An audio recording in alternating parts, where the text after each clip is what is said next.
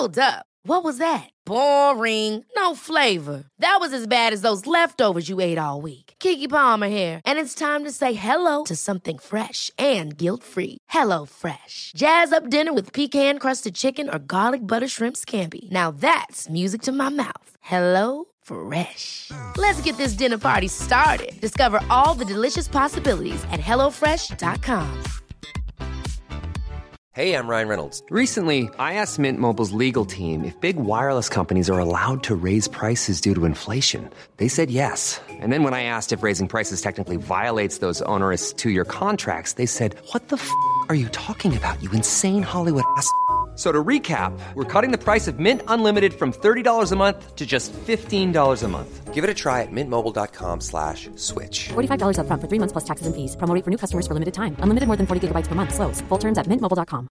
Cool fact a crocodile can't stick out its tongue. Also, you can get health insurance for a month or just under a year in some states. United Healthcare short term insurance plans, underwritten by Golden Rule Insurance Company, offer flexible, budget friendly coverage for you. Learn more at uh1.com. I de yttre hybriderna, nordväst om Skottland, ligger ögruppen Flannan Isles. De består av sju små, isolerade och obebodda öar, omringade av vatten, blåst och höga lömska vågor. Ögruppen kallas även för The Seven Hunters. Lokalbefolkningen på fastlandet känner till rykten om öarna, framförallt den största, Eileen Moore. Den sägs vara hemsökt och det sägs bringa otur till den som övernattar där. På ön finns en ruin av en kyrka och det finns också rykten om att man för länge sedan offrade till gudarna där. Det byggs sedan en fyr som står klar i december 1899. Ett år senare, 26 december år 1900, anländer fartyget Hesperus till ön. Fartyget har som uppgift att leverera provianter och en avlösare till en av fyrvakterna på ön. Fartyget har blivit försenat på grund av dåligt väder och när de väl anländer inser de snart att något inte står rätt till. Ingen av de vanliga förberedelserna för deras ankomst har gjorts och flaggan var inte hissad. Ingen av fyrvakterna kom ner och mötte upp dem. Det skulle visa sig att ingen av de tre fyrvakterna var kvar på ön överhuvudtaget. Alla tre hade nämligen försvunnit spårlöst.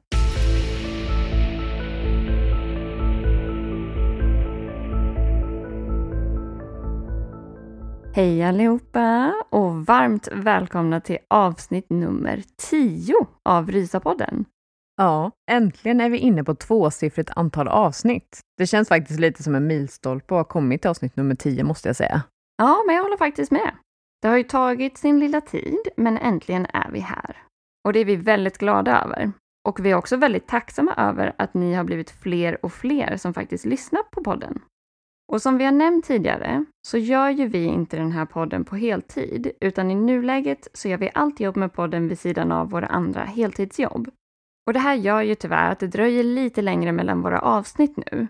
Och det är också värt att nämna att vi har valt att inte annonsera ut att vi släpper ett avsnitt på en viss specifik dag i nuläget. För det skulle faktiskt kännas väldigt tråkigt om någonting hände som gjorde att det inte blir möjligt för oss att släppa avsnittet just när vi har lovat. För den besvikelsen är faktiskt inte alls kul när man är en trogen lyssnare. Nej, den är ju inte det. Och vi försöker ju verkligen att göra en grundlig research och det här tillsammans med klippningen i podden, det tar ju en hel del tid. Men vi tycker att det är viktigt att vi är noggranna och ser till att avsnitten håller en viss ljudkvalitet. Och det kommer nog att vara så att det tar lite längre tid mellan de olika avsnitten, under i alla fall de sista månaderna nu av 2019. Och med det menar jag att pauserna kommer vara ungefär likadana som de har varit de senaste avsnitten. Men däremot så tror vi att det kan bli en liten förändring på det här redan i januari nästa år. Och då tror vi att vi kanske kommer kunna släppa avsnitt lite mer kontinuerligt och lite oftare. Så att ni får helt enkelt fortsätta ha lite tålamod med oss nu så länge. Ja, men precis. Och det kommer ju vara väldigt tråkigt med lite längre pauser just nu, men förhoppningsvis så kommer det kanske vara värt väntan. Och om ni gillar podden, så glöm inte att prenumerera i den appen som ni lyssnar via. Och ni får hemskt gärna också lämna en recension på iTunes eller Podcaster. För det betyder verkligen jättemycket och det hjälper oss dessutom att sprida podden. Och om ni redan har hunnit lyssna på alla våra avsnitt, vilket kanske är ganska troligt eftersom vi bara har tio avsnitt än så länge, så kan man ju faktiskt alltid lyssna om avsnitten tills nästa kommer ut. Ja, det brukar jag faktiskt göra med de poddar som jag gillar. Man har ju alltid något nytt när man lyssnar om. Men jag tänker att nu går vi in på ämnet för det här tionde avsnittet, nämligen olösta massförsvinnanden. Och vi har ju tidigare pratat om familjer eller enstaka personer som har försvunnit. Och det är ju såklart vanligare att enstaka personer försvinner än att flera människor försvinner på samma gång. Och ännu mer ovanligt är ju att man inte heller hittar några kroppar. Mm, verkligen.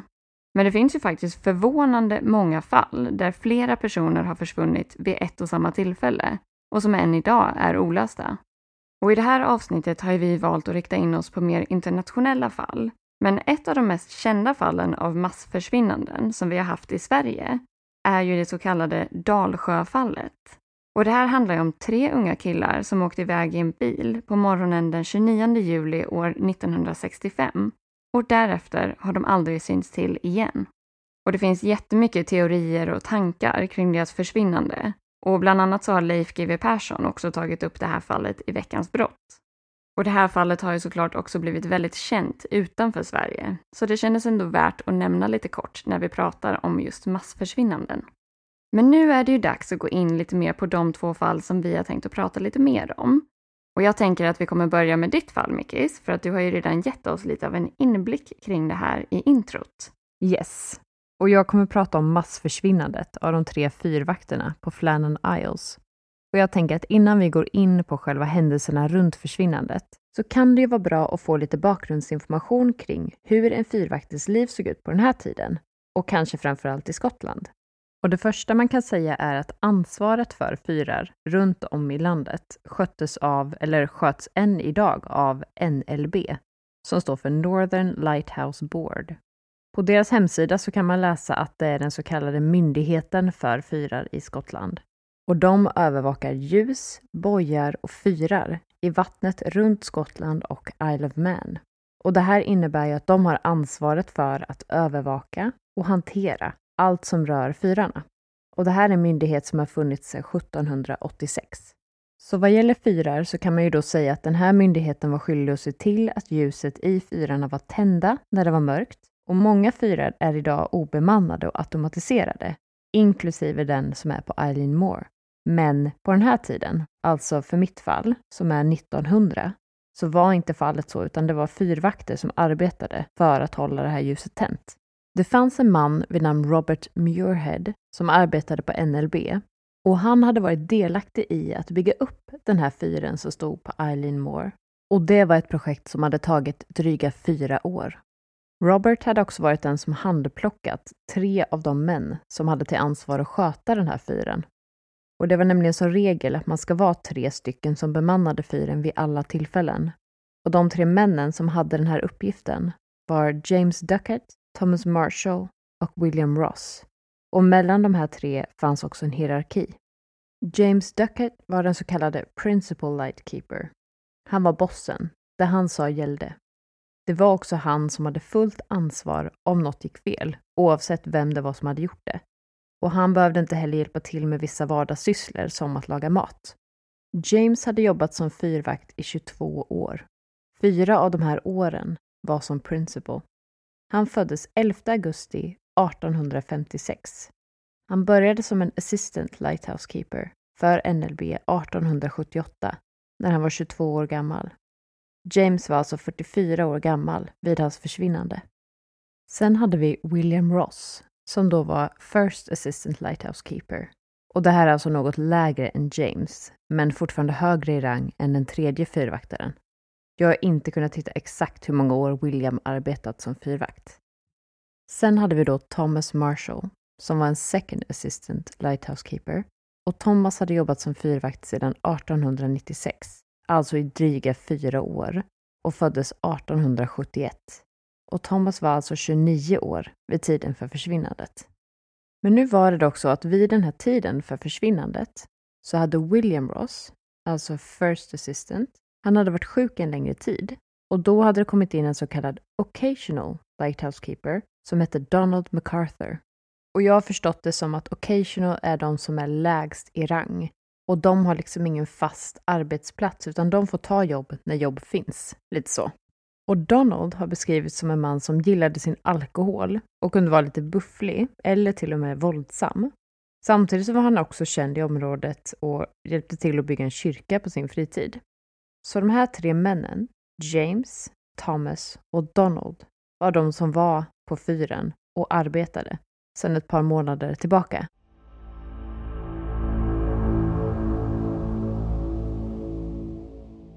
Det fanns vissa regler som skulle skötas när man jobbade på en fyr under den här tiden. Och den viktigaste av de här är att ljuset i fyren alltid, oavsett vad, ska vara tänd. Och det här gör ju att männen jobbar i skift så att någon alltid har koll på ljuset så att det inte slocknar. En annan regel är att alla tre männen inte lämnar fyren samtidigt. Någon ska alltid vara kvar för att vakta ljuset. Och rent rutinmässigt så kan man också säga att i de här delarna av världen så vet man att man jobbar i ganska hårda väderförhållanden. Så att man ser till att man inte går ut från fyren när det är storm ute. Och man gör det man måste göra utomhus dagtid, när det fortfarande är ljust. Fyrvakterna hade också en loggbok där de skulle anteckna väderförhållanden och annat som var vikt för deras arbete. Så där har vi lite bakgrundsinformation. Och det vi vet kring den här händelsen, det är att det är december månad 1900. Det har varit mycket regn, blåst och stormar. Det har inte alls varit trevligt väder att jobba i och vi pratar alltså om en liten ö mitt ute på havet. Det är en hög klippavsats som ön ligger på och nedanför det så är det bara ett stormigt hav. På den här ön fanns två så kallade plattformar. En på den östra sidan av ön och en på den västra sidan. Och det var en trappa ner till vattnet och det här var för att kunna möta upp båtar som kom med proviant eller med avlösande fyrvakter. För det var nämligen så att stora skepp kunde inte ta sig hela vägen in till ön så att de fick stanna en bit ifrån och sen fick man ta en roddbåt den sista biten och därefter klättra upp för de här hala stentrapporna. Så den 7 december år 1900 så var Donald MacArthur, Thomas Marshall och James Duckett ute på ön och den här dagen var även Robert Muirhead där, mannen som jag nämnde tidigare. Enligt vissa källor var han där med sin fru som någon form av nöjestripp, vilket kan verka ganska konstigt eftersom det var så pass dåligt väder som det var. Enligt andra källor så var det någon form av rutinkoll som han skulle göra där han åkte dit och inspekterade och pratade med fyrvakterna. Men oavsett varför så var han där den 7 december. Robert och James pratade då om att det hade varit problematiskt för att det hade varit väldigt mycket dimma runt den här ön, vilket gjorde att det var svårt för dem att signalera om behov skulle uppstå. Det var nämligen så att på just Eileen Moore så var ju det här en fyr som låg mitt ute i vattnet. Och det fanns inget bra sätt för fyrvakterna att kommunicera med lokalbefolkningen på fastlandet. Mer än att de hade, vad jag förstod det som, typ plakat som de kunde sätta i ett fönster och skriva skadad eller hjälp eller vad det nu kan tänkas vara de vill förmedla. Och därefter var det upp till fastlandet att notera det här och skicka ut någon som kan hjälpa dem. Det fanns därför i det här fallet en man som var anställd för att kontinuerligt hålla lite koll i kikaren för att se att fyren var tänd och att fyrvakterna inte signalerade någonting. Men när det blev dimmigt så påverkade det såklart sikten och den här kommunikationen blev svår att genomföra. Och det här oroade James. Men efter den här diskussionen så sa Robert hejdå till de här tre männen och lämnade ön. Vad Robert inte visste vid det här laget var att han skulle bli den sista som någonsin såg de här tre männen.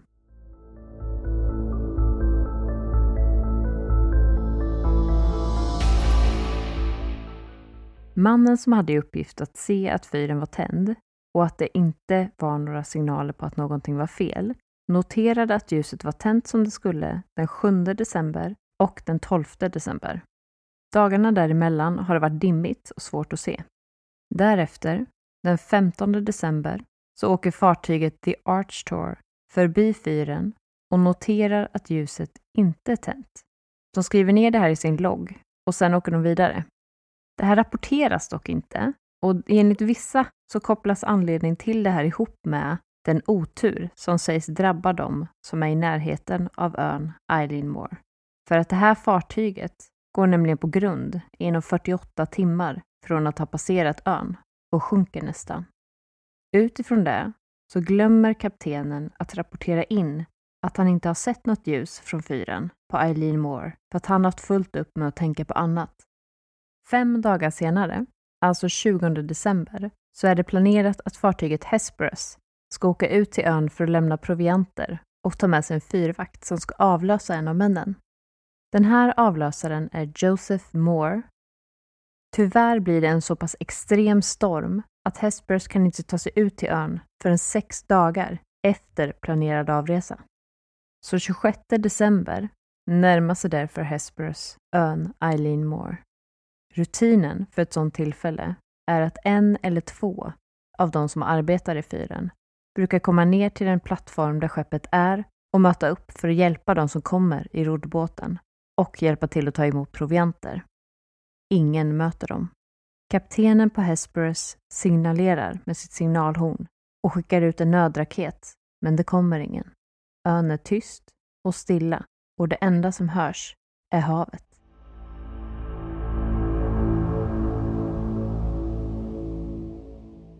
En oroad Joseph, som haft onda aningar under hela resan, skickas i roddbåt tillsammans med några från besättningen över till ön. Joseph kände de här tre männen väl och han visste att de var ansvarsfulla och borde ha varit där och mött upp dem. Joseph går i land och påbörjar sin vandring upp för stentrapporna mot fyren, en klättring på ungefär 85 meter. Han kommer fram till fyren och ser att ytterdörren är stängd, precis som den bör vara. Han kommer in i fyren och in i köket. Allting är undanplockat och i sin ordning. Klockan på väggen, som man drar upp då och då för att den ska fortsätta gå, har stannat och tyder på att ingen har dragit upp den på ungefär en vecka. Ingen har heller eldat i eldstaden på ett bra tag. Han ropar efter männen. Ingen av dem svarar. Han rusar tillbaka till fartyget och informerar kaptenen om att alla tre männen är spårlöst borta. Joseph får sedan i uppgift att tillsammans med några från besättningen stanna kvar vid fyren medan fartyget lämnar ön. Fyren måste ju nämligen tändas och bemannas, så de får det här uppdraget i väntan på att nya fyrvakter kan skickas ut. Kaptenen på Hesperus skickar då ett telegram till fastlandet och informerar om vad de har funnit. Männen som är kvar på ön finkammar fyren och finner loggboken. Man har noterat vad som har hänt fram till och med förmiddagen den 15 december. Därefter finns inga noteringar. Oljelampan för fyren var rengjord och den var redo att tändas. Och det här tyder på att någonting hände under eftermiddagen den 15 december eftersom man inte hade hunnit tända lampan men man hade hunnit göra noteringar på förmiddagen. Det var även så att samtliga fyrvakter hade så kallade oljekläder, vilket i princip är en regnkappa gjord på oljeduk, för att man ska kunna jobba i de hårda väderförhållanden som rådde. Två av de här kapporna var borta. En hängde kvar. Och det här innebär ju att någon av de tre fyrvakterna hade gått ut i december månad i storm utan sin kappa. Man kunde sen komma fram till att den av dem som hade gjort det var Occasional Donald. Sen valde man att finkamma ön. De började med att gå till den östra delen av ön, där den ena plattformen var och allt var i sin ordning. På västra sidan var det dock inte helt som det skulle. Där hade bland annat en låda som innehöll rep gått sönder. Och det här berodde ju med största sannolikhet på att det hade varit kraftig vind eller att stormen hade lyckats skapa så pass stora vågor att det svämmade över ön och på så sätt tog sönder den här lådan. Repen låg nu utspridda över hela plattformen och det fanns också som ett litet järnvägsspår där det gick typ som ett litet ånglok som tog proviant från skeppet och upp till fyren. Och det här järnvägsspåret och räcket som ledde ner mot havet hade krökts av en otrolig kraft men det fanns inga spår av männen någonstans.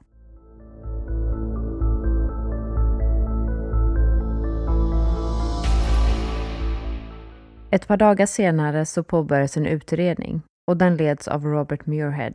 Han får i ansvar att hitta lösningen på vad det är som har hänt på den här ön. Och det är ju sig lite konstigt kan man tänka, utifrån att man ändå borde ha utgått ifrån att männen på ett eller annat sätt hade dött. och ingen polisiär utredning genomförs utan man går helt och hållet på Roberts undersökning.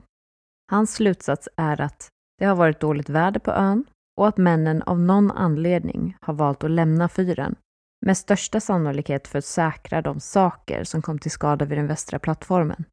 Det ska vid det här tillfället då ha kommit en våg och sköljt samtliga tre män ner i havet. När Robertson har fastställt sin utredning och kommit fram till sina slutsatser så tystar man ner hela det här fallet. Man pratar inte mer om det. 1912 skrivs det dock en dikt av Wilfred Wilson Gibson som igen skapar ett intresse för det här mystiska försvinnandet. Och man har i dikten lagt till vissa detaljer som att det stod en färdig men orörd middag på bordet och att en stol var vält, som att man i all hast har behövt lämna fyren. De här detaljerna har jag förstått det som i alla fall inte är sanna, men det här drog igång ett intresse för försvinnandet. Och jag kan säga att när jag gjorde min research så var det väldigt många av de källorna som jag kikade på som hänvisade till det här som fakta. Men utifrån de källor som jag har valt att använda mig av, som jag anser som mer trovärdiga, så är de här detaljerna bara någonting som framkom först när dikten skrevs.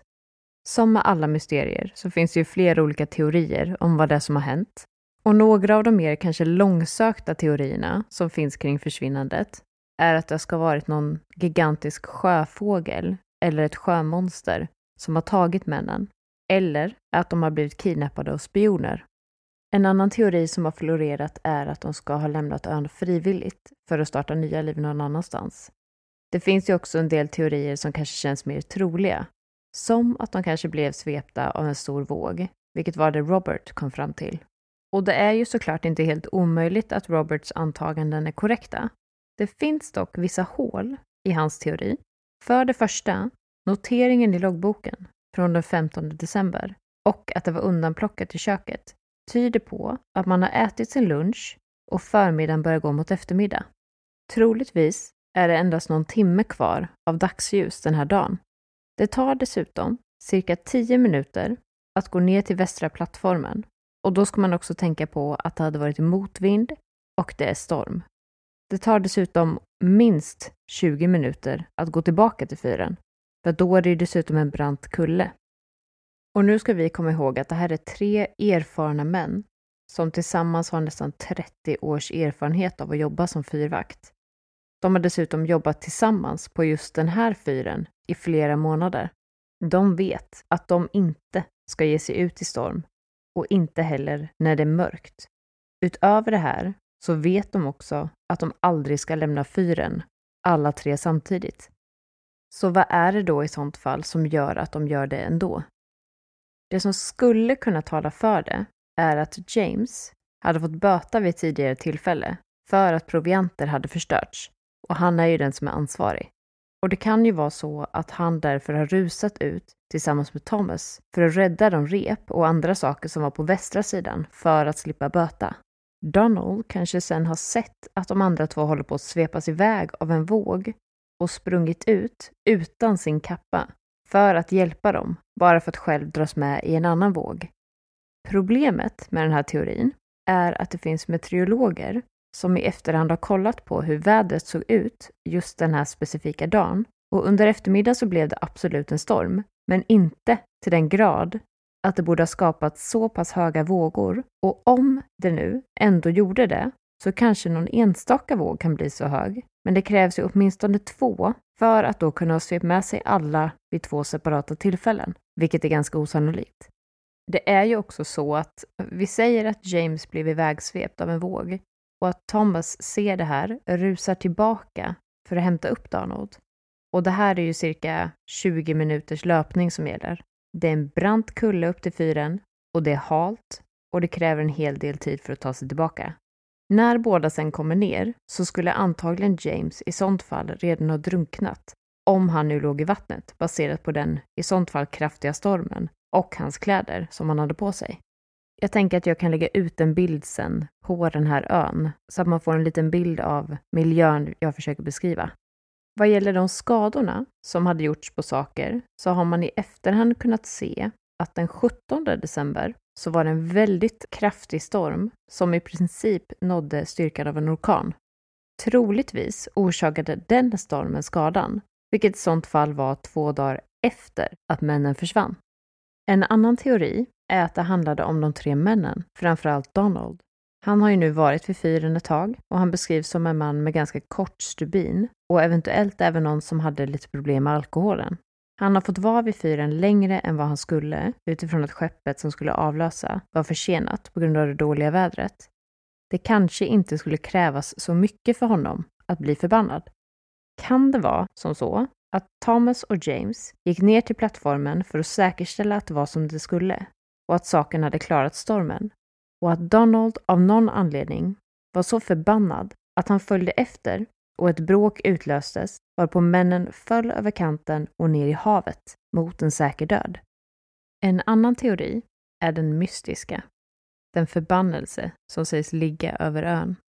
Det var ju så så att det sägs att personer som hade med Eileen Moore att göra utsattes för en förbannelse och den här fyren som byggdes sägs ha förargat vad som än påverkar ön. Och det finns vissa saker som tyder på det här också. Och om vi börjar med fartyget The Arch Tour så gick det som sagt på grund inom 48 timmar från det att de passerade den här ön och de höll på att sjunka. Men inte nog med det. 12 år senare så försvann det här fartyget spårlöst. Varken fartyget eller besättningen har någonsin återfunnits. Sen har vi Joseph Moore, avlösaren. Han påstod att hans liv hade blivit utsatt för en förbannelse efter den här händelsen och han kunde inte jobba kvar där. Han hade dessutom väldigt många oförutsedda dödsfall i sin familj efter det här. Vi har också en av ersättarna som tog plats som fyrvaktare efter att de här tre männen hade försvunnit. Fyra år efter försvinnandet så ramlar den här ersättaren ner från tornet och dör. Slutligen så har vi också William Ross, mannen som skulle ha jobbat den här kvällen, men som var sjuk. Han blev flyttad till en annan fyr, där han föll ihop och dog ett år senare. Vi kommer troligtvis aldrig få veta vad det var som hände den här dagen i december för över hundra år sedan. Tre män försvann spårlöst och ingen förklaring passar in helt, vilket kanske någonstans också är vad som gör det till ett mysterium. Det finns inga självklara svar. Det finns såklart en hel del information om det här fallet om man skulle vilja grotta ner sig ytterligare. Det finns både böcker, poddar och en del YouTube-klipp också. Det är dessutom så att det har kommit en trailer till en film som jag tror släpps våren 2020, om jag inte har förstått det fel. Den här filmen heter The Vanishing och är baserad på det här mysteriet. Gerard Butler ska vara med i den bland annat. Så det kan ju vara ett filmtips i vår kanske.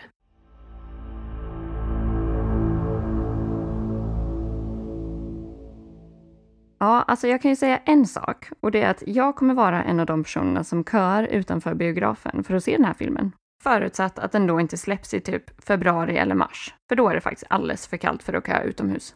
Men det här fallet är verkligen väldigt intressant och det framkallar ju verkligen den här klassiska känslan av att älskhata mysterier.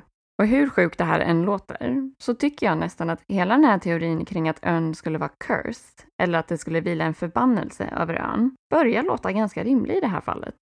Och det känns så osannolikt bara att så många hemska saker skulle hända så många olika personer just för att de typ var kopplade till den här ön.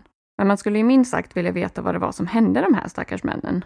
Och precis som med det förra avsnittet när vi pratade om mystiska försvinnanden, så är jag typ helt hundra på att jag vet vad som har hänt ena stunden. Och sen läser jag någonting annat som talar emot den teorin helt och hållet. Och då är jag tillbaka på ruta ett. Så utifrån det här så har jag börjat drömma om att bygga en tidsmaskin och gå tillbaka till alla de här mystiska försvinnanden och se vad var det som faktiskt hände. Det vore ju faktiskt väldigt praktiskt. Men på ett sätt är det också nästan så att det skulle vara lite tråkigt. För i alla de här mysterierna så finns det ju såklart troligtvis en väldigt konkret sanning. Men den är ju antagligen inte riktigt lika intressant som alla de här teorierna och tankarna som uppkommer av att man faktiskt inte vet. Nej, det har du såklart en poäng i. Jag får väl avvakta med min tidsmaskin helt enkelt. Den var ju annars fullt rimlig för mig att bygga. Men jag tänker i alla fall, varför hålla oss på halster? Nu tycker jag att vi fortsätter att spä på den här frustrationen lite genom att hoppa direkt in på ditt fall, Annie. Mm, det tycker jag absolut att vi ska göra. För jag ska ju prata om ett fall som har förvånansvärt många olika namn. Men några av dessa är Indiana Junes Women, The Junes State Park 3, Indiana Jones Disappearance och Indiana Jones Mystery. Och man kan absolut säga att det här är ett mystiskt försvinnande. För det här var nämligen tre unga tjejer som var på en utflykt vid Lake Michigan en härlig sommardag och som sen försvann mitt på blanka dagen och har sedan dess aldrig setts igen. Och det här fallet är än idag olöst, hela 53 år senare.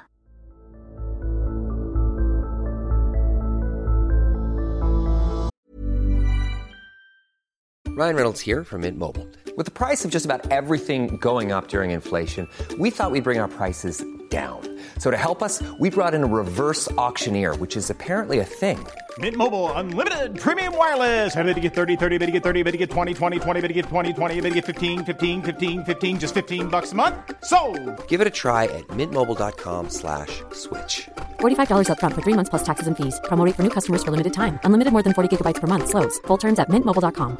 Even on a budget, quality is non-negotiable. That's why Quince is the place to score high-end essentials at 50 to 80% less than similar brands. Get your hands on buttery soft cashmere sweaters from just 60 bucks, Italian leather jackets, and so much more. And the best part about Quince, they exclusively partner with factories committed to safe, ethical, and responsible manufacturing. Elevate your style without the elevated price tag with Quince. Go to quince.com slash upgrade for free shipping and 365-day returns. I'm Sandra, and I'm just the professional your small business was looking for. But you didn't hire me because you didn't use LinkedIn jobs. LinkedIn has professionals you can't find anywhere else, including those who aren't actively looking for a new job but might be open to the perfect role, like me. In a given month, over 70% of LinkedIn users don't visit other leading job sites. So if you're not looking on LinkedIn, you'll miss out on great candidates like Sandra. Start hiring professionals like a professional. Post your free job on linkedin.com slash achieve today. Jag tänker vi börjar med att ta ett stort hopp tillbaka i tiden, till sommaren år 1966 och närmare bestämt lördagen den 2 juli. Vi befinner oss då i delstaten Illinois i USA. Det är mitt i sommaren och det börjar närma sig den 4 juli, alltså USAs nationaldag. Så för väldigt många innebar såklart den här helgen en hel del firande, ledighet och därmed också lite extra härliga aktiviteter och utflykter. Och några av personerna som bestämde sig för att åka på en utflykt just den här soliga och varma lördagen var de tre vännerna Renee Brule, som var 19 år gammal, Patricia Blau, som också var 19, och Ann Miller, som var 21 år gammal.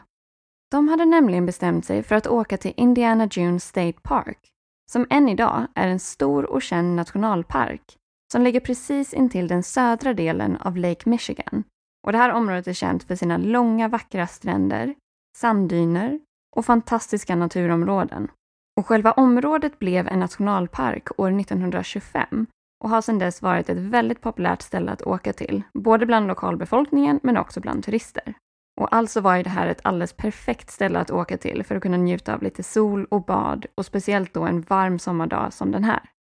Den 21-åriga Anne ägde en bil av det amerikanska märket Buick, årsmodell 1955. Hon var den som skulle köra ut till Indiana Jones den här lördagen och det var därför bestämt att hon skulle hämta upp sina vänner Renee och Patricia på vägen. Alla tre vännerna bodde i delstaten Illinois och i närheten av staden Chicago, men i lite olika områden. Anne bodde i Lombard och hon tog bilen och begav sig därifrån vid ungefär åtta på morgonen. Sen åkte hon och hämtade upp Patricia från hennes bostad i det närliggande Westchester. Och Patricia ska då, innan de åkte iväg den här morgonen, ha sagt till sin mamma att de planerade att komma hem i rimlig tid eftersom att deras tredje vän Renee gärna ville vara hemma i tid för att kunna laga middag till sin man den här kvällen. Anne och Patricia åkte sedan vidare och plockade slutligen upp Renee som bodde i västra delen av Chicago. Och i samband med det här stoppet så stannade de vid en butik för att köpa solskyddsfaktor inför den här heldagen de skulle ha på stranden. Och sen kom de fram till sitt slutmål, Indiana Dunes State Park. Och vid den här tidpunkten var klockan ungefär 10 på förmiddagen. Anne parkerade bilen och sen vandrade de iväg för att hitta den perfekta platsen. Och de slog sig till slut ner vid ett ställe som låg 100 yards, alltså ungefär 92 meter från strandlinjen till Lake Michigan. Ungefär två timmar senare, alltså runt klockan 12, så ska Anne, Patricia och Renee ha lämnat alla sina saker på stranden och sen gått ner till sjön tillsammans. Och det här är baserat på ett vittnesmål från ett par som haft sina handdukar och saker i närheten av de här tre tjejerna på stranden. Och på grund av det hade de då lagt märke till dem under den här dagen. Enligt uppgift ska det här paret, och även senare vittnen i utredningen, ha beskrivit att Anne den här dagen hade haft på sig en blå bikini med ett rött bälte. Patricia hade en färgglad gul bikini med volanger och Renee hade på sig en brun baddräkt med ett mönster av gröna blommor och guldfärgade blad. Det här paret säger sig också ha sett tjejerna prata med en okänd man vid ett senare tillfälle när de var nere vid vattnet. Och den här mannen ska ha kört en vit båt som uppskattades vara runt 14 till 16 fot, alltså ungefär 4,5 meter lång, med blå inredning och utombordsmotor. Paret ska sedan ha sett Anne, Patricia och Renee gå ombord på den här båten med den okända mannen och sen köra västerut. När det sen blev kväll och skymning så började paret undra var de här tre tjejerna kunde ha tagit vägen eftersom att alla deras saker fortfarande låg kvar på stranden där de hade lämnats tidigare under dagen. Paret blev då oroliga för om det kanske kunde ha hänt de här tjejerna någonting och de valde då att leta upp en av områdets parkvakter, eller Park Rangers som det heter i USA.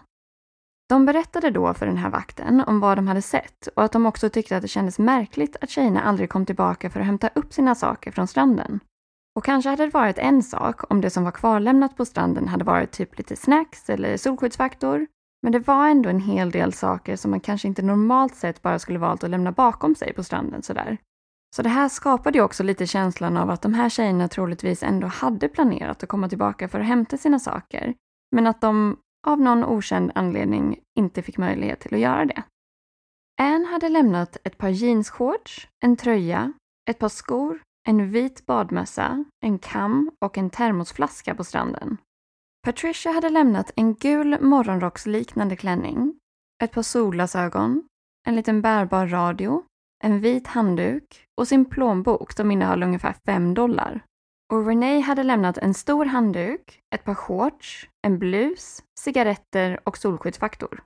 Och i hennes plånbok låg bara 25 cent i kontanter. Men det fanns också lite olika checkar och de hade faktiskt ett värde av ungefär 55 dollar.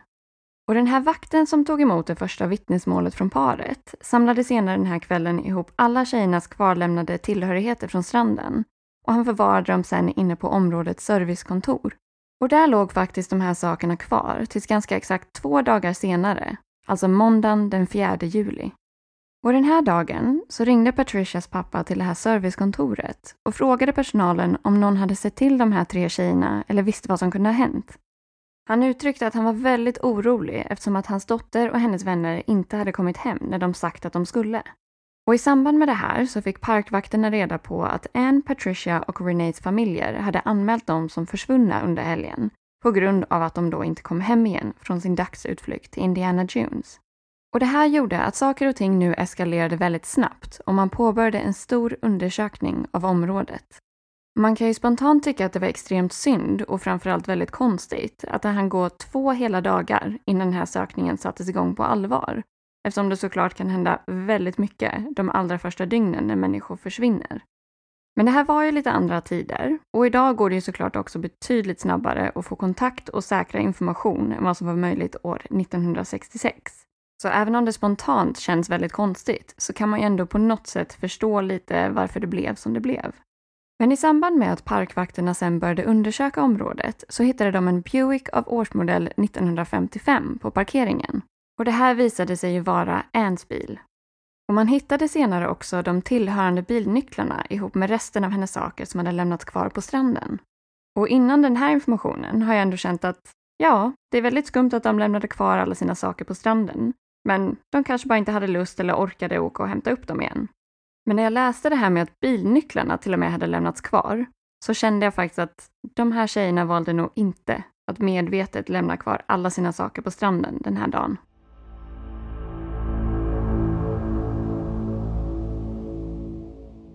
Inuti Anns bil så fanns det också en del kläder och andra tillhörigheter. Och man ska också ha konstaterat att bilen inte hade flyttat sedan deras ankomst under förmiddagen den 2 juli. Efter att man hade hittat bilen så valde parkvakterna att ta hjälp i sökandet och kontaktade då bland annat United States Coast Guard, alltså kustbevakningen. Man satte också in dykarteam och en hel del personer var med och letade, både till fots men också ridandes på hästar. Och man sökte då igenom milslånga sträckor av det här enorma strand och naturområdet. Tre dagar efter att Anne, Patricia och Renee försvann, alltså tisdagen den 5 juli, så påbörjades det mer officiella sökningsarbetet och ännu fler resurser kopplades nu in. Och i samband med att sökningen drog igång ordentligt så gick myndigheterna ut och bad om allmänhetens hjälp för att kunna få fram mer värdefull information och potentiella ledtrådar kring vad som kunde ha hänt. Och man uppmanade individer som hade befunnit sig på stranden vid Indiana Jones den här dagen att höra av sig och delge all typ av information som skulle kunna vara till hjälp. Och efter det här så trädde fler och fler vittnen fram och vissa av deras uttalanden gick då emot det första parets vittnesmål om vart man hade sett de tre försvunna tjejerna senast. Men alla myndigheter som nu hade blivit inblandade var ändå starkt övertygade om att parets tidigare vittnesmål ändå var starkast och mest tillförlitligt. Fler och fler vittnen började sedan istället att bekräfta det här parets första vittnesmål gällande att de tre tjejerna den här dagen ska ha hoppat ombord på en vit båt som kördes av en okänd man. Och enligt senare vittnesmål så beskrevs den här mannen som solbränd med mörkt vågigt hår och att han uppskattas ha varit ungefär i 20 till 25 års åldern. Och det fanns också en man som hörde av sig och berättade att han hade filmat sina barn på stranden den här dagen när tjejerna försvann. Och utredare för fallet fick då tillåtelse att använda mannens inspelade material för att försöka hitta bevis eller möjliga ledtrådar kopplade till försvinnandet. Och efter att man hade kollat igenom allt det här inspelade materialet så hittades två olika båtar som var av största intresse för den fortsatta utredningen. Och den ena var en glasfiberbåt som var runt 16 till 18 fot, alltså ungefär 5 meter lång. Och den här båten ska ha körts av en man som matchade in väldigt väl på personbeskrivningen av den okända mannen från bland annat det här parets tidigare vittnesmål. Och i det här videofilmade materialet så såg man också att det vid ett tillfälle fanns tre tjejer ombord på den här mindre båten som jag precis nämnde. Och utseendet på de här tjejerna på inspelningen matchade dessutom personbeskrivningen av Anne, Patricia och Renee. Men som sagt hade man ju hittat två olika båtar när man kollade igenom filmen. Och den andra båten var en större modell, en så kallad Trojan Cabin Cruiser, som var runt 26 till 28 fot, alltså ungefär 8 meter lång. Och det här var ju en större och lyxigare typ av båt som också hade sovplatser för passagerare.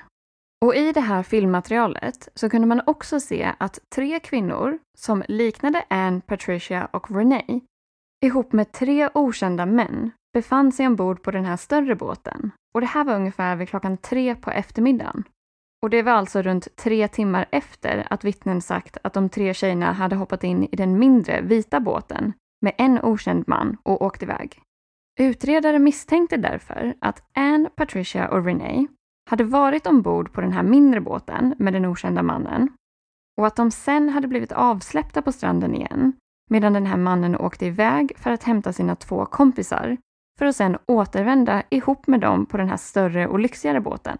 Och enligt vissa uppgifter så ska alla tre tjejerna ha setts äta och promenera på stranden ungefär vid den här tidpunkten när de då skulle ha blivit avsläppta på stranden efter den första båtturen. Och sen finns det vittnesmål om att en annan okänd man ska ha kommit fram till dem.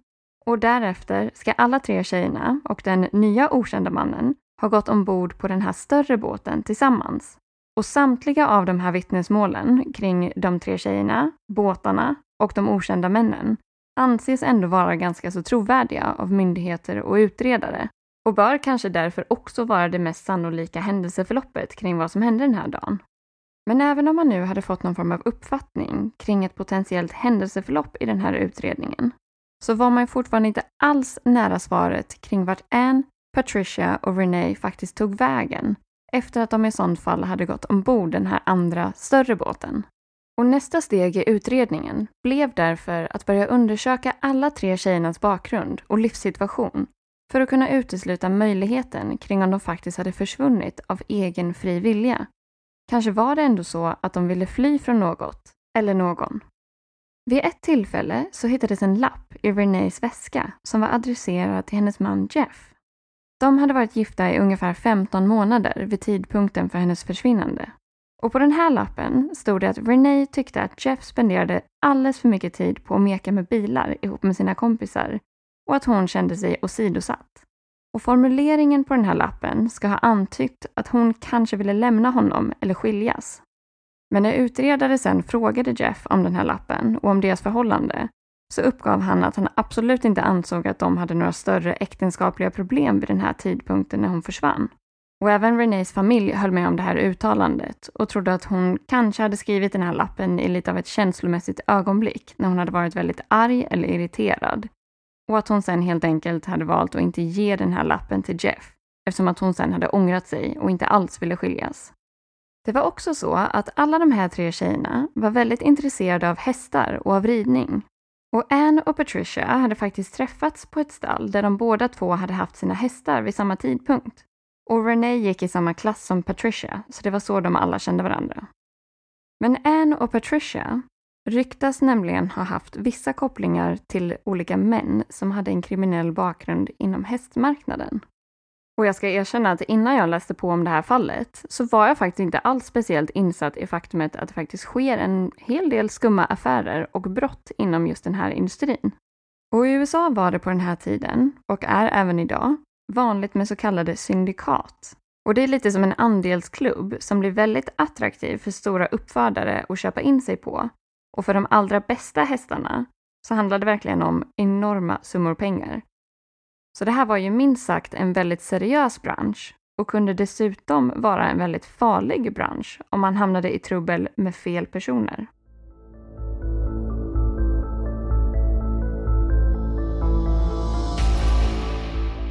Samma år som försvinnandet, alltså 1966, så spenderade Anne, Patricia och Renee väldigt mycket tid på ett stall som hette Tricolor i Palatine i Illinois. Och det här stallet ägdes av en man som hette George Jane, som var en välkänd hästmäklare och som dessutom var inblandad i just de här syndikaten. Under mitten av 1960-talet så var den här George i en väldigt intensiv konflikt med sin egen bror som hette Silas Jane. Och den här konflikten ska ha varit relaterad till just hästaffärer. Och i juni år 1965 så inträffade en extremt tragisk incident vid det här stallet, Tricolor, som då ägdes av George och som Anne, Patricia och Renee brukade spendera väldigt mycket tid på. Det fanns nämligen en annan ung och hästintresserad tjej som hette Cheryl Ann Rude som också var väldigt mycket vid det här stallet. Och hon skulle en dag hjälpa George att flytta hans bil. Och när hon då satte sig i bilen och vred om nyckeln så exploderade bilen och hon dog omedelbart. Och det man ganska snabbt insåg var att den här bomben egentligen hade varit avsedd för George, men att den tragiskt nog istället drabbade Cheryl. Och i den här utredningen kring försvinnandet av Anne, Patricia och Renee har man faktiskt utrett om det kan ha varit så att de här tre tjejerna, eller kanske bara två av dem, möjligtvis kunde ha blivit vittnen till det här på något sätt. Och mer specifikt att de då skulle ha sett den eller de personerna som installerade den här bomben i George bil. Och den här bilbomben på stallet inträffade ju ganska exakt ett år innan de försvann. Så man kan ju därför undra varför man skulle vänta ett helt år om det nu var så att man ville få tyst på de här tjejerna och undvika att de skulle säga någonting. Så den är ju lite oklar kanske. Men man ska faktiskt också ha hittat både George och Silas telefonnummer bland tjejernas tillhörigheter som var kvarlämnade på stranden. Fast det skulle ju dock kunna förklaras ganska enkelt eftersom att de ofta var ute och red vid det här stallet som George då ägde. Men det har ändå skapat lite extra funderingar kring vad den exakta kopplingen faktiskt var där. George blev sen ihjälskjuten år 1970 och hans bror Silas blev senare dömd och fängslad för inblandning i det här mordet. Och Silas själv dog år 1987. Och han var faktiskt dessutom misstänkt i ett annat försvinnande, otroligt mord, av en kvinna vid namn Helen Brach som skedde år 1977. Men man har aldrig kunnat bevisa att någon av de här bröderna på något sätt faktiskt var inblandade i Anne, Patricia och Renees försvinnande, även om det såklart finns väldigt mycket spekulationer kring det. Men en annan sak som känns lite skum är att den här Silas Jane vid ett tillfälle ska ha sagt till en polis att han hade tre begravda kroppar under sitt hus. Och det här ska han dessutom ha sagt någon gång efter att de tre tjejerna försvann år 1966. Och polisen tog det här uttalandet väldigt allvarligt och de planerade att de skulle genomsöka Silas bostad. Men innan man hann så långt så omkom den ansvariga polisen i en oväntad och tragisk olycka. Och den här genomsökningen av bostaden ägde därför aldrig rum, vilket ledde till att spåret tappades bort. Och jag har försökt hitta information om varför man inte har utfört den här undersökningen vid Silas bostad nu under senare år. Men jag har dessvärre inte lyckats hitta någon mer info om det. Men det är ju nästan så att man själv får lust att leta upp huset, åka dit med spade och börja gräva. Och det måste ju också ha varit väldigt hemskt för alla de här tjejernas familjer också och inte få veta om det eventuellt kunde ha funnits någon form av svar eller förklaring där under hans hus. Men allt det här kring stallet i Palatine, hästsyndikaten och bröderna George och Silas är en ganska vanligt förekommande teori som finns i det här fallet. Alltså då att Anne, Patricia och Renées försvinnande på något sätt var kopplad till att de kanske sett något som de inte skulle se eller helt enkelt hamnat i trubbel med någon av de här farliga och brottsliga individerna inom syndikaten. En helt annan typ av teori är att alla tre tjejerna ska ha försvunnit och omkommit i någon form av drunkningsolycka. De var ju trots allt vid vattnet, de badade i Lake Michigan och eventuellt skulle det ha kunnat hända någonting som gjort att de drunknade. Dock var alla tjejerna väldigt duktiga på att simma och speciellt Patricia som var van vid att simma väldigt långa sträckor. Så det kan ju kännas lite konstigt om alla tre skulle ha fått problem med att simma och så pass mycket att de faktiskt drunknade. Och dessutom har man ju aldrig heller hittat några kroppar ute i vattnet och det finns inga vittnen som har uppgett att de har sett eller hört någonting om en drunkningsolycka. Så överlag känns ju den här teorin absolut möjlig, även om den kanske inte känns som den mest troliga. Och sen kommer vi till en annan teori som är kopplad till graviditet och abort.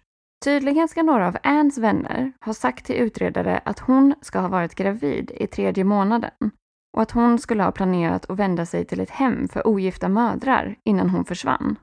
Och det ryktades även om att Patricia också skulle ha varit gravid vid försvinnandet.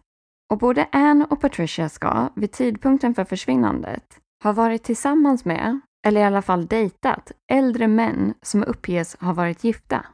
Och om det nu var så, och eftersom att det här var en helt annan tid än idag, så skulle de här tjejerna troligtvis inte alls ha fått speciellt mycket stöd av papporna till barnen och därför kanske de i så fall önskade att göra en abort.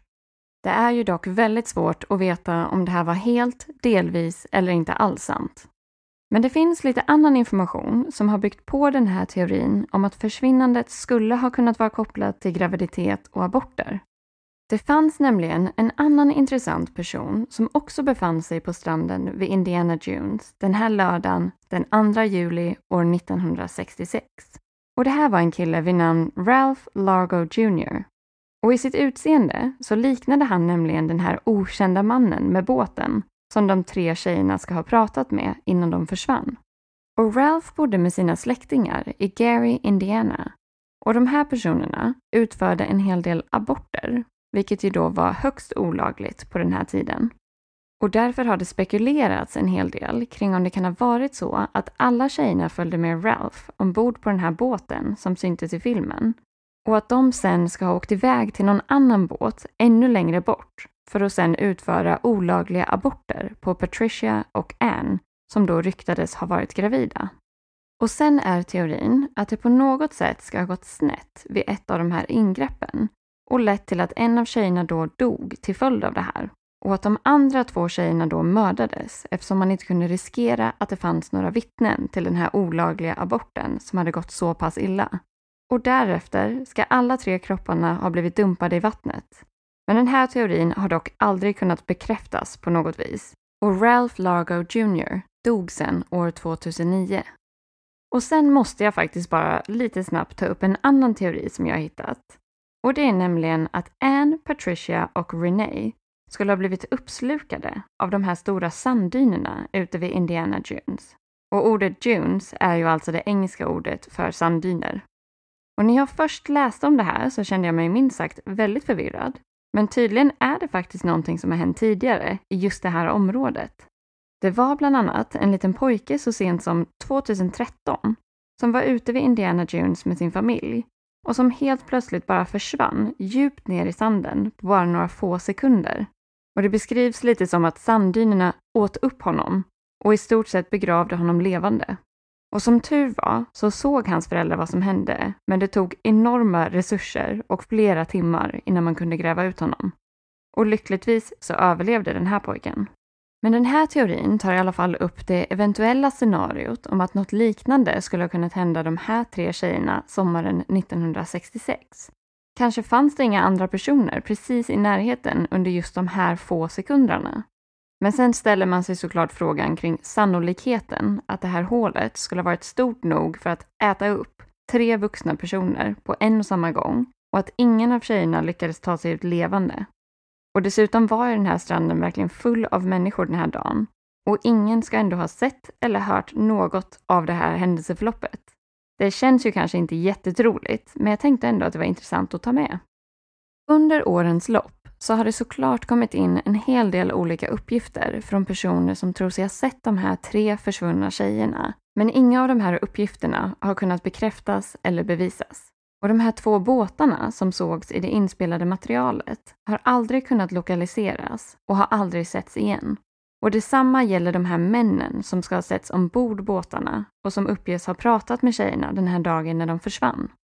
Och som ni kanske har förstått vid det här laget så finns det alltså inga som helst konkreta svar kring vad som faktiskt hände Anne, Patricia och Renee den här sommardagen vid Indiana Jones State Park. Man vet inte om de försvann frivilligt eller mot sin egen vilja. Man vet inte om de blev mördade och i så fall hur, av vem eller vilka och framförallt varför. Det enda vi vet är att de här tre tjejerna har varit försvunna i hela 53 år nu och att alla de här obesvarade frågorna och funderingarna som kvarstår gör att det här så kallade massförsvinnandet har kommit att bli extremt omtalat och debatterat. Och jag skulle nog gissa på att det kommer fortsätta vara det under de nästkommande 53 åren också. Och det enda som skulle kunna ge svar på vad det är som har hänt är om man skulle hitta kropparna eller om helt nya bevis skulle komma upp till ytan. Och själva utredningen och fallet kring försvinnandet av Ann Miller, Patricia Blau och Renee Brule är fortfarande inte nedlagt, men däremot är det inte aktivt och är fortfarande, än idag, rubricerat som olöst.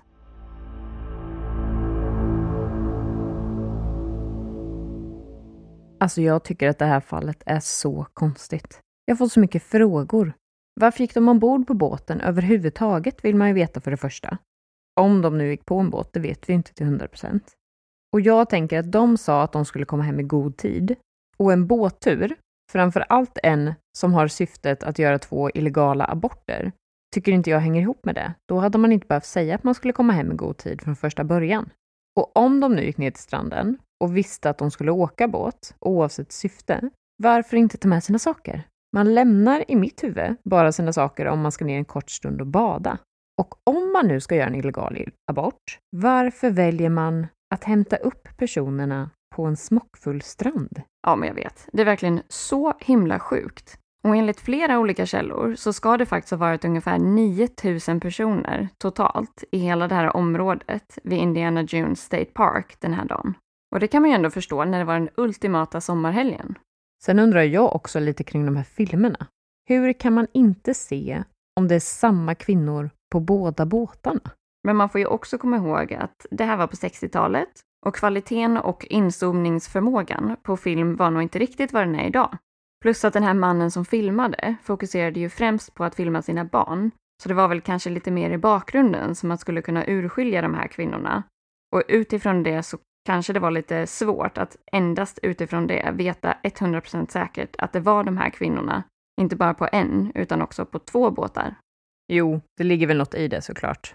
Men fortfarande mycket frågor. Men vad tror du hände med de här tre tjejerna då, efter all din research?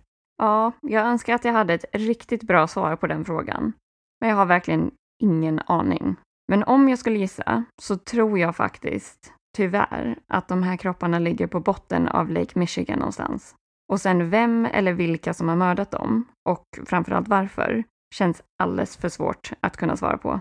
Det känns ju ändå rimligt att det skulle ha slutat så på ett eller annat sätt.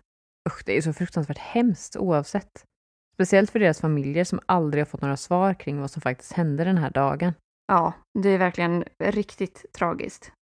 Men för oss gäller det ju bara att acceptera att vi än en gång inte kommer få några svar eller lösningar på de här fallen. Och som sagt, känslan av att älskhata mysterier, den lever vidare. Det gör den minst sagt. Och jag hoppas att ni som har lyssnat också har fått en hel del att fundera vidare på efter de här två fallen. Men om ni kommer på några bra teorier eller möjliga förklaringar så får ni väldigt gärna dela dem med oss. Och ni kan alltid kontakta oss på Facebook eller Instagram där vi heter Rysapodden. Och om ni inte redan följer oss på Facebook och Instagram så tycker jag verkligen att ni borde göra det. För vi försöker ju alltid att dela lite olika bilder och annan info för varje avsnitt där. Och det vill man ju inte missa. Verkligen inte. Och innan vi rundar av här så tycker jag också att vi måste passa på att önska Karina och hennes son all lycka till eftersom de i helgen ska springa loppet Run for your lives i Örebro. Vi får väl se om ni är lika glada att ni vann de här biljetterna när ni väl har börjat springa loppet. Det var faktiskt betydligt läskigare än vad man hade kunnat föreställa sig. Men det var också en jättegrym upplevelse. Så det är bara att köra hårt och run for your lives. Och med den lilla hälsningen så ska vi tacka för oss. Och som alltid vill vi säga ett stort tack för att just du har lyssnat på Rysapodden.